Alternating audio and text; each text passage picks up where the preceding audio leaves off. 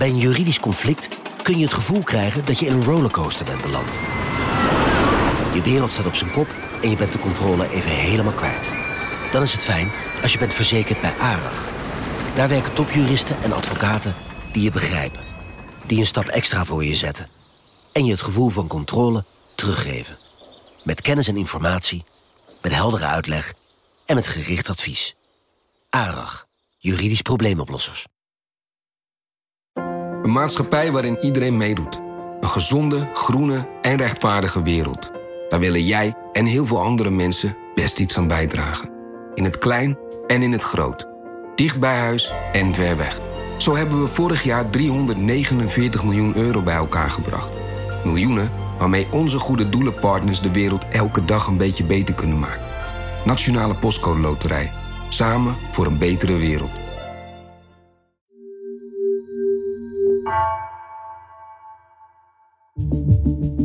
Vanaf de redactie van NRC het verhaal van vandaag.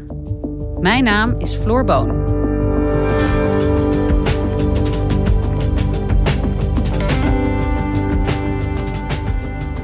In de Wieringermeerpolder verrijzen steeds meer gigantische datacentra, ondanks groeiende lokale weerstand.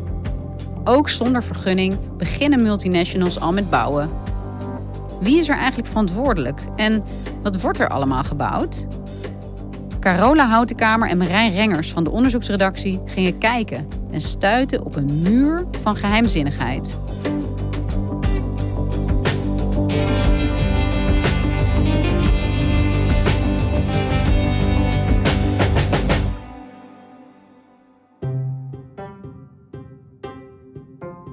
Vorige week ben ik uh, in mijn autootje samen met mijn collega van de onderzoeksredactie uh, Marijn Rengers naar de Wieringmeerpolder gereden. Dat hebben we wel vaker gedaan, ook voor vorige artikelen.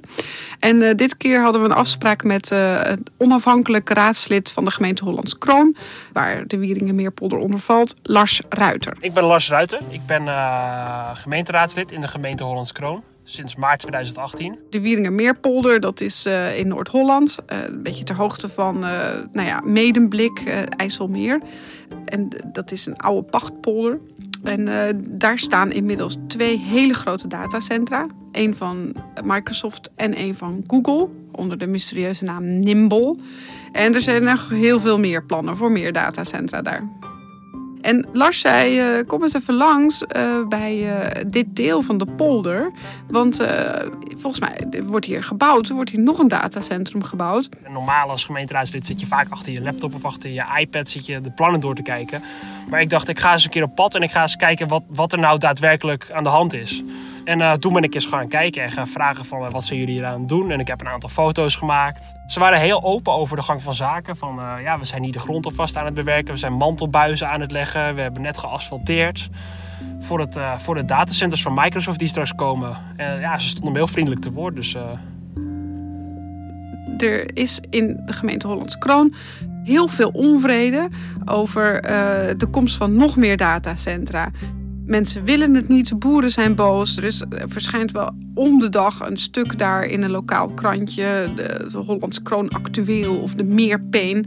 En Lars uh, Ruiter had, uh, had wat kritische vragen gesteld. Um, ja, ik, ik zit zelf uh, diep in die bestemmingsplannen van de gemeente. Zeg maar. Hoe zit het nou in elkaar en hoe gaat het in zijn werk? En het verbaasde mij ontzettend toen ik zag dat ze er al aan het bouwen waren. Terwijl het officieel nog agrarische grond is. En het bestemmingsplan, het nieuwe bestemmingsplan wat het college wil, nog helemaal niet aan de raad is voorgelegd. Dus er is geen vergunning en Microsoft is gewoon al aan het bouwen daar? Ja. Dus in de gemeenteraad zijn daar heel veel mensen tegen. En toch stoomt de machine daardoor en wordt het een en het andere plan in voorbereiding gebracht.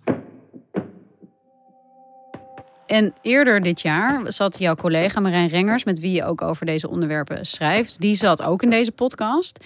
En ja, die ging eigenlijk ook over de Wieringermeerpolder, zelfde. Alleen hij vertelde toen over de komst van een groot windmolenpark en de belofte dat die groene stroom zou worden gebruikt voor tienduizenden huishoudens.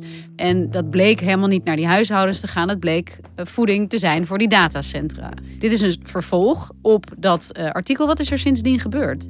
Ja, dat is uh, wat. Toen wij dat artikel schreven, hebben we heel veel reacties gekregen. Want wat je opeens de link die gelegd kon worden, is dat veel van de groene stroom die wij nu produceren, gaat naar nieuwe industriële spelers. En buitenlandse spelers.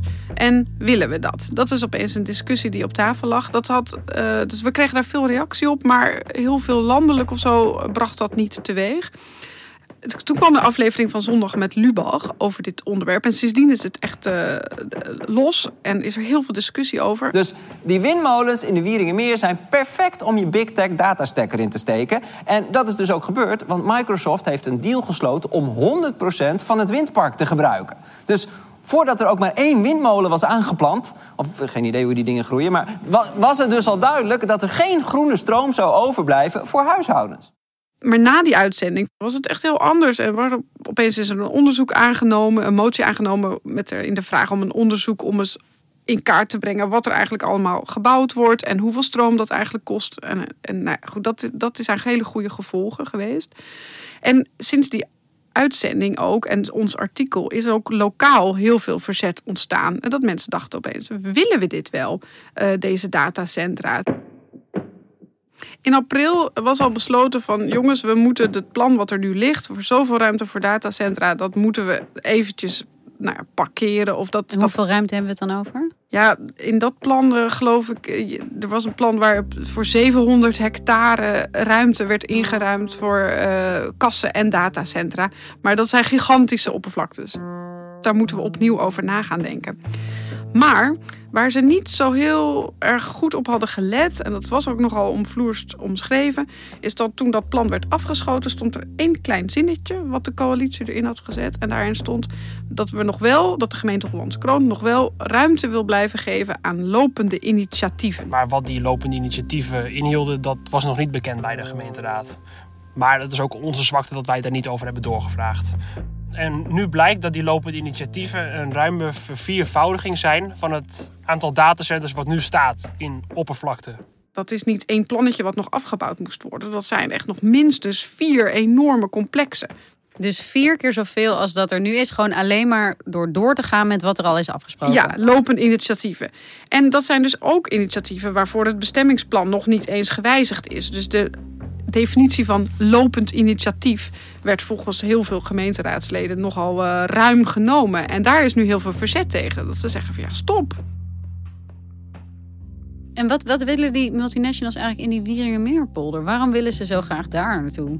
Nou, Nederland is een stabiel land qua veiligheid. Het waait lekker. Dus je zet de ramen open en je restwarmte waait weg. En er is heel veel aanbod van goedkope groene stroom. En Microsoft en Google en andere multinationals... die willen graag een goede sier maken met, met... wij zijn duurzaam, wij draaien op groene stroom. First, Microsoft's been carbon neutral since 2012. Uh, second is Microsoft is doing a lot of, of purchasing renewable energy for the data center. Here's an example. So we've committed to being at least 60% renewable energy by 2020. Uh, our new goal is to be at least 70% by 2023. En in Nederland kun je dat goed en veel, veel betrekken. Uh, daar betalen we als burgers gewoon natuurlijk allemaal voor via onze energierekening. Um, en dat, dat, dat maakt Nederland een heel aantrekkelijk vestigingsland voor grote multinationals.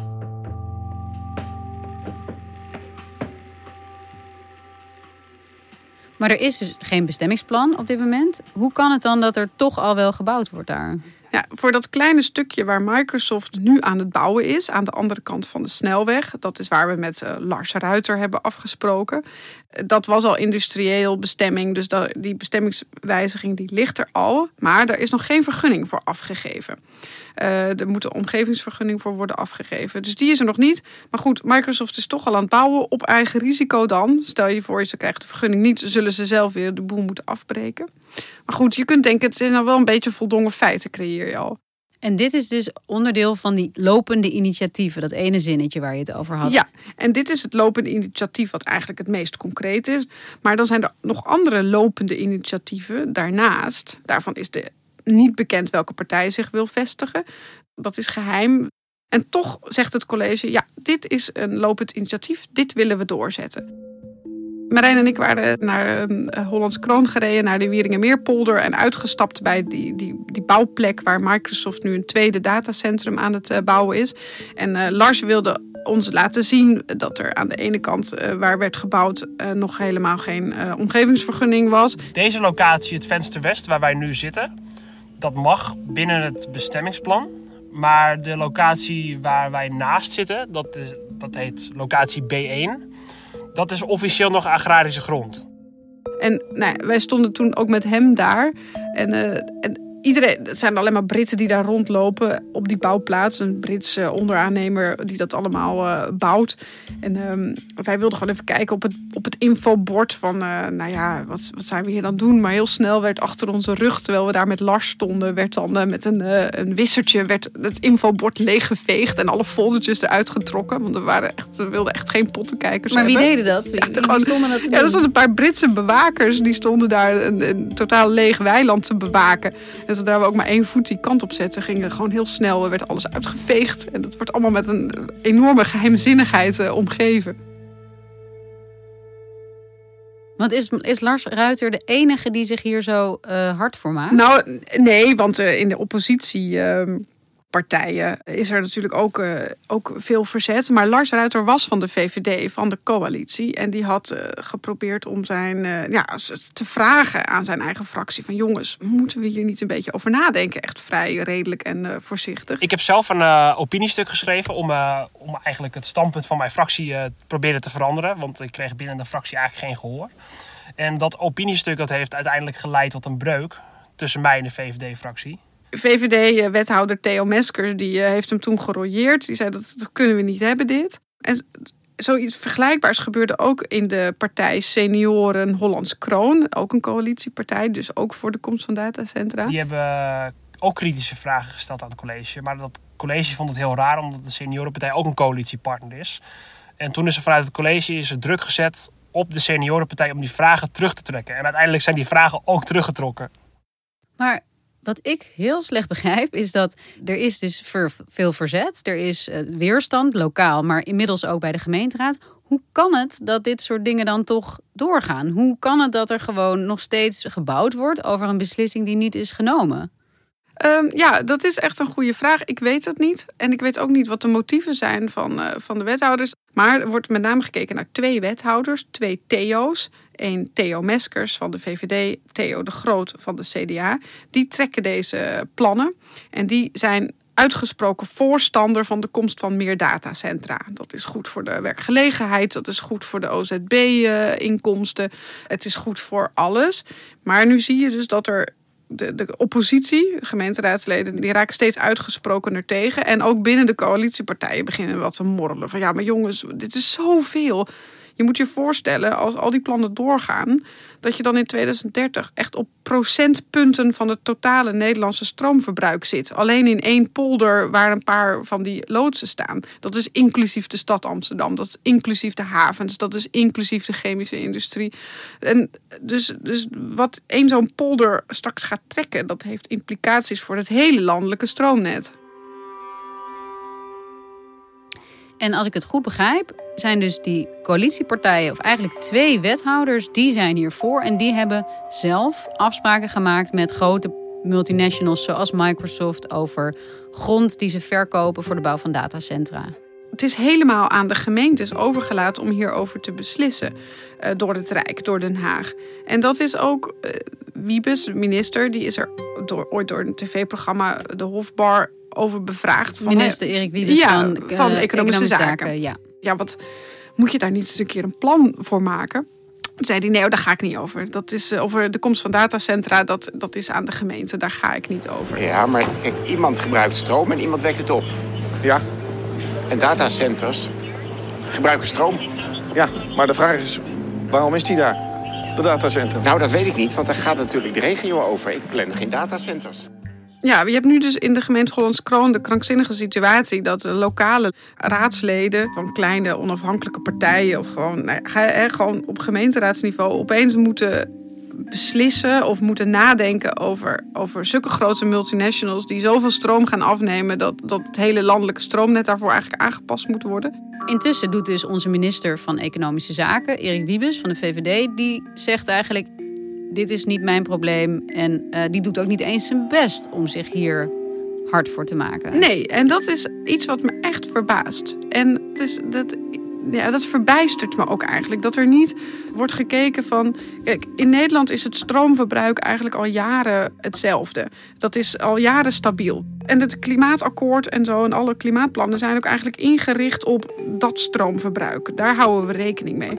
Maar wat er nu eigenlijk gebeurt door de komst van elektrische auto's ook, maar ook door de komst van datacentra, gaat die stroomvraag echt waanzinnig toenemen.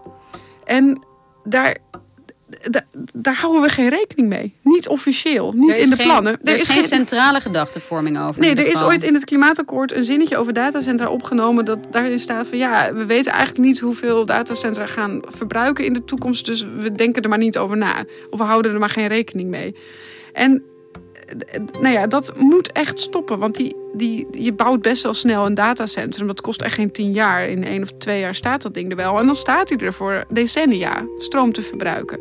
Dus ik voel ook wel enige haast als je dus nu gaat tellen van hoeveel initiatieven zijn er eigenlijk.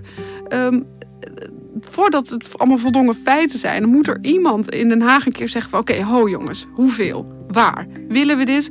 Kunnen we de groene stroom leveren die zij willen. We kunnen de groene stroom helemaal niet leveren die we verplicht zijn volgens het Parijs op dit moment. We halen onze doelstellingen bij lange na niet. Dus waarom er niet eventjes pas op plaats wordt gemaakt en gezegd van jongens, laten we even, even kijken wat kan, wat is redelijk, wat is goed. Is het nog te stoppen? Ik bedoel, is dit gewoon iets wat nu een voldongen feit is en, en, en waar niets meer tegen te beginnen is? Of heeft Lars uh, Ruiter en, uh, en, en zijn medestanders, hebben die nog, um, ja, is er nog een mogelijkheid dat ze invloed hebben op dit proces? In uh, de Wieringen-Meerpolder is het de gemeente die de hele tijd de vergunningen heeft afgegeven. Ook voor Google en ook voor Microsoft, wat er al staat. En ze willen ook de vergunning voor het nieuwste datacentrum van Microsoft afgeven. Maar de landbouworganisatie, LTO, die is natuurlijk heel belangrijk in die polder, dat is een boerenpolder. Die, uh, die, die, die, hebben, die hebben een zienswijze ingediend, hè, daar kun je bezwaar maken uh, tegen plannen. En die hebben gezegd: ja, maar de gemeente gaat hier helemaal niet over. Dit is zo'n grote installatie met zo afschuwelijk grote dieselgeneratoren. Daar, als je gaat kijken in de wetgeving, dan is eigenlijk hier de provincie die daarover gaat. En ze hebben mogelijk een punt, er bestaat in ieder geval nervositeit over die zienswijze. Dus het, zou kunnen zijn dat de gemeente Hollands Kroon helemaal niet die vergunningen af mag geven, maar dat in ieder geval de provincie dat moet doen. En zo eh, zijn we dus eigenlijk afhankelijk van individuen die dit wel of geen goed idee vinden. En is, is er geen uh, raamwerk van regels of ideeën over wat eh, nee. wat Nederland en hoe Nederland eruit wil zien, zeg maar, dat, dat, hebben we niet. Nee, we hebben het nu eigenlijk overgelaten aan, aan wethouders en raadsleden die in hun avonduurtjes nog een beetje bijklussen voor gemeentes, die dat in alle eer en geweten doen. Dat, ik, het niveau in Hollands Kroon, dat, nou, ik vind echt dat ze goede kritische vragen stellen en er echt bovenop zitten. Maar we hebben het wel aan hen uh, overgelaten om, om hier nu uh, vorm aan te geven. Terwijl het dus landelijke implicaties heeft en ook iets zegt over de energietransitie voor ons als land. Of we die gaan halen, of we dat willen. En ik, dat, dat is gewoon de verkeerde plek. Het lijkt me dat dat gewoon in Den Haag hoort. We kijken allemaal rijkhalsend uit naar de inspanningen van Lars Ruiter. Ja, ik ook. Dankjewel, Carola. Graag gedaan. Je luisterde naar vandaag, een podcast van NRC. Eén verhaal, elke dag. Deze aflevering werd gemaakt door Anna Korterink en Jeppe van Kesteren. Chef van de audioredactie is Anne Moraal. Dit was vandaag, morgen weer.